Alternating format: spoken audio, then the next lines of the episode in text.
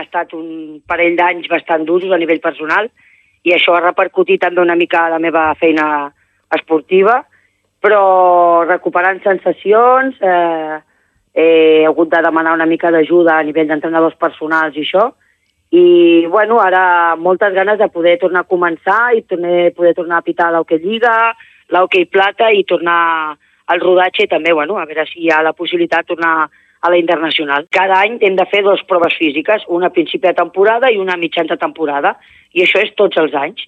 Si superes aquesta prova, estàs dintre la competició. Si no la superes, quedes fora. També hi ha tests eh, de, de reglament... Bueno, és una formació contínua, ja que és un esport que és molt ràpid i necessites estar bueno, físicament una miqueta bé i has de saber totes les regles i és una formació contínua.